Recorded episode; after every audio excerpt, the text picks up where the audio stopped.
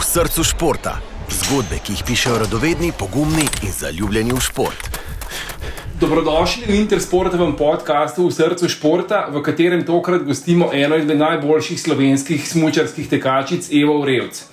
Eva je nosilka bronaste medalje z ekipnega sprinta na svetovnem prvenstvu v Oberhofu, sicer pa velja za izjemno dinamično in predvsem telesno odlično pripravljeno stransko športnico.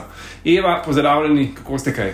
Pozdravljeni, super sem. Uh, kako bi se začetek odgovorili na vprašanje, kaj vam pomeni šport, glede na to, da ste se v življenju ukvarjali s kar nekaj športi?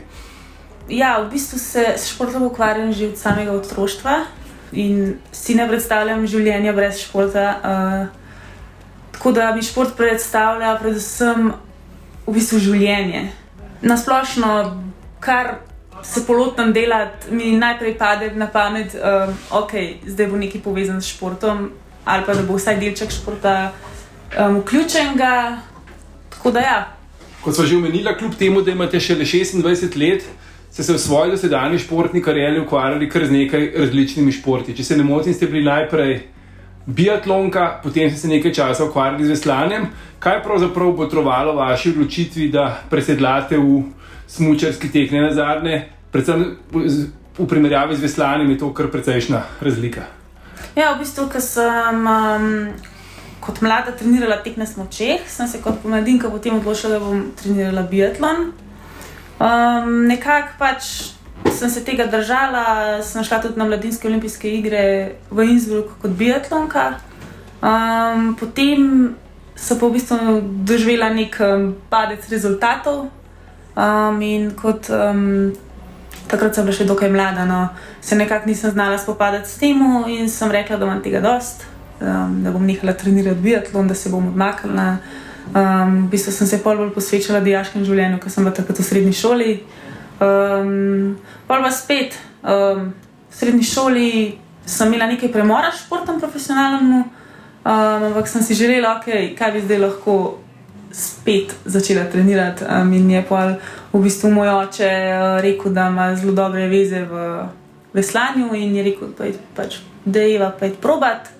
Um, tako da sem pa probala veslanje in mi je bil všeč, tudi šport v naravi, uh, sploh na Blejskem jezeru je lahko rečem, da je to res užitek. Uh mhm. -huh.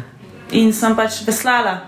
Sem tudi šla na mladinsko svetovno prvenstvo v Litvo, um, v dvojni dvojec, ker sem mislim, da zasedla osmo mesto, če se ne motim, ampak nisem čest sigurna.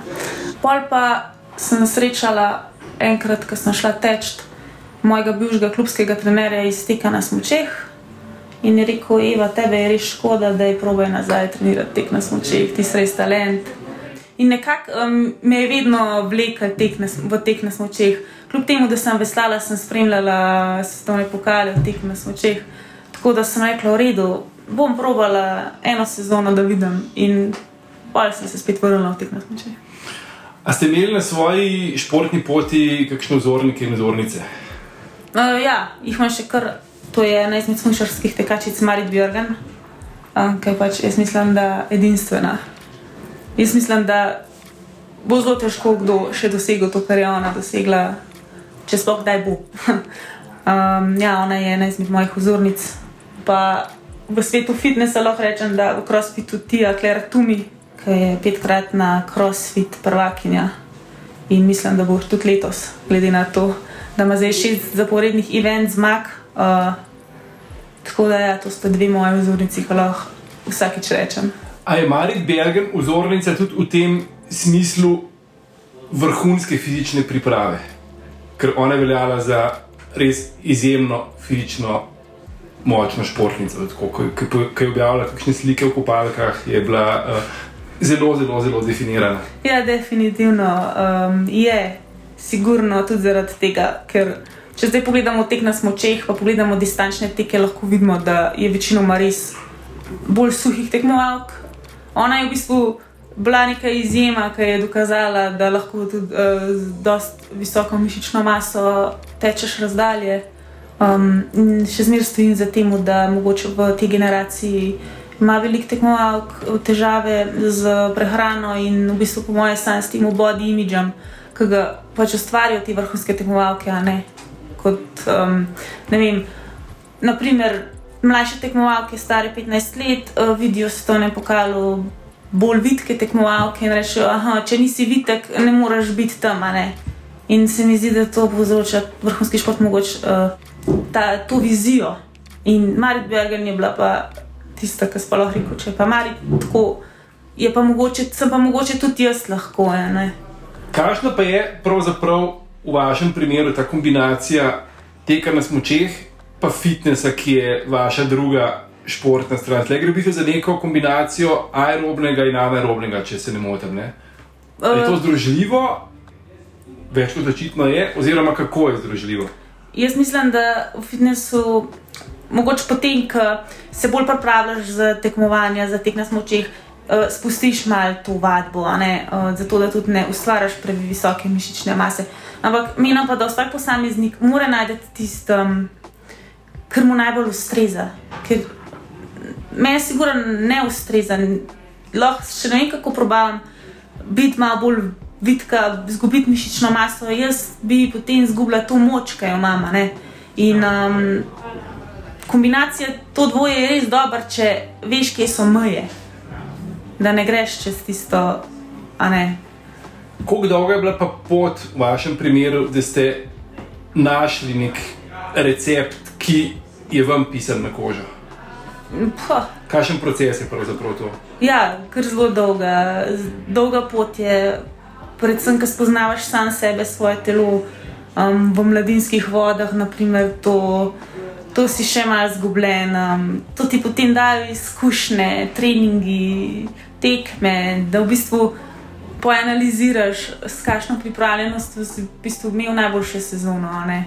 Um, ker med sezono je sigurno teže držati zdaj neko mišično maso, karkoli, ker pač te tudi stres izčrpa. In skoraj vsaka tekmovalca, če bi vprašal na koncu sezone, reče, jaz sem shujšal 2 kg, kilogram, 3. Pač to so dosti velike razlike med vsakim posameznikom. A je možno laikom razložiti, na kere načine vam trening v fitnessu, ker kljub vsemu precej bazira na treningu moči, verjetno, na kere načine vam to pomaga v vašem osnovnem športu, se pravi, smučarskem teku? Ja, um, trenirati v fitnesu kot te- smučarski tekač ni težko.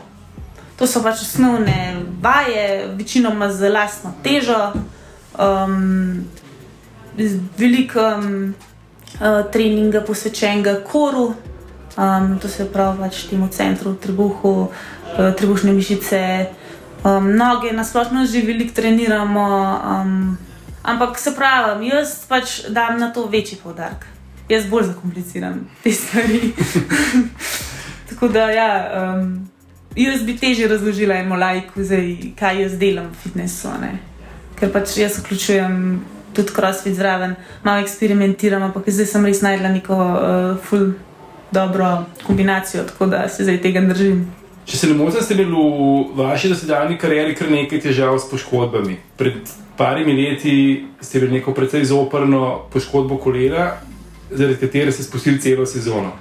Kako naporna je rehabilitacija vrhunskega športnika? Ja, v bistvu sem imela ja, poškodbo um, sprednje križne vezi, sem imela odtrgano. Um, ja, uh, ko se ti to zgodi, je zelo težko. Težko je pa um, sprejeti to, da dejansko moraš počivati, uh, da ne smeš se premikati, moraš ležati, uh, hodiš z berglom po operaciji. Um, in pač padeš iz te um, osnovne forme. Uh, ampak polka pač v bistvu prideš nazaj na nek nivo, ki si bil prej, se hočeš še izboljšati in to ti, doda, to ti pa da nekaj več. In poško, vsak pač, ki sem se z njim zgovarjala, športnik po poškodbi, spravi svoje telo oziroma svojo pripravljenost še na višji nivo. Ampak ja, jaz mislim, da to je zaradi tega paca, ki ga doživiš. Kako težko se pa po tako dolgi odsotnosti na nek način na nov sprogramirati, oziroma predvsem na nov motivirati? Mm, motiviraš se lahko, mislim, vsaj jaz sem se na ta način, da v bistvu veš, kje si že bil pred poškodbo, um, z rezultati iz pretekle sezone, um, pa gledaš um, naprej cilje. Cilje, ki si jih zadal, um, pač veš, da bo pot težka, ampak da se bo splačala. A lahko mogoče opišete, kako pravzaprav izgleda vaše leto, če temu lahko tako rečemo. Verjetno po koncu sezone imate en krajši počitek, potem se pa začnejo priprave na, na novo sezono. Kaj je pravzaprav bolj naporen del? Je bolj naporen pripravljalni del ali bolj naporen del potem, ko se začne zima in ko se začnejo tekmovanja? Na, kar se tiče um, samega treninga, je, pa fizičnega dela, je sigurno pripravljalno obdobje težje. Ampak pol pa, ker so tekme, pa nastopi ta stres. V bistvu je vsak vikend uh, je zelo stresno obdobje, no, ker so tekme in sigurno vsak, vs, oboje po svoje je nekako težko. Ampak za me je lahko rečem, da um, med tekmovanjem delam sezone težje. No.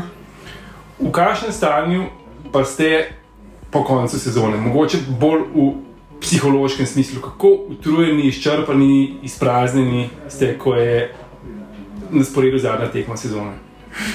Ja, po, po naprimer, um, letošnji sezoni sem bila res izčrpana, ker je bila pač malo slabša.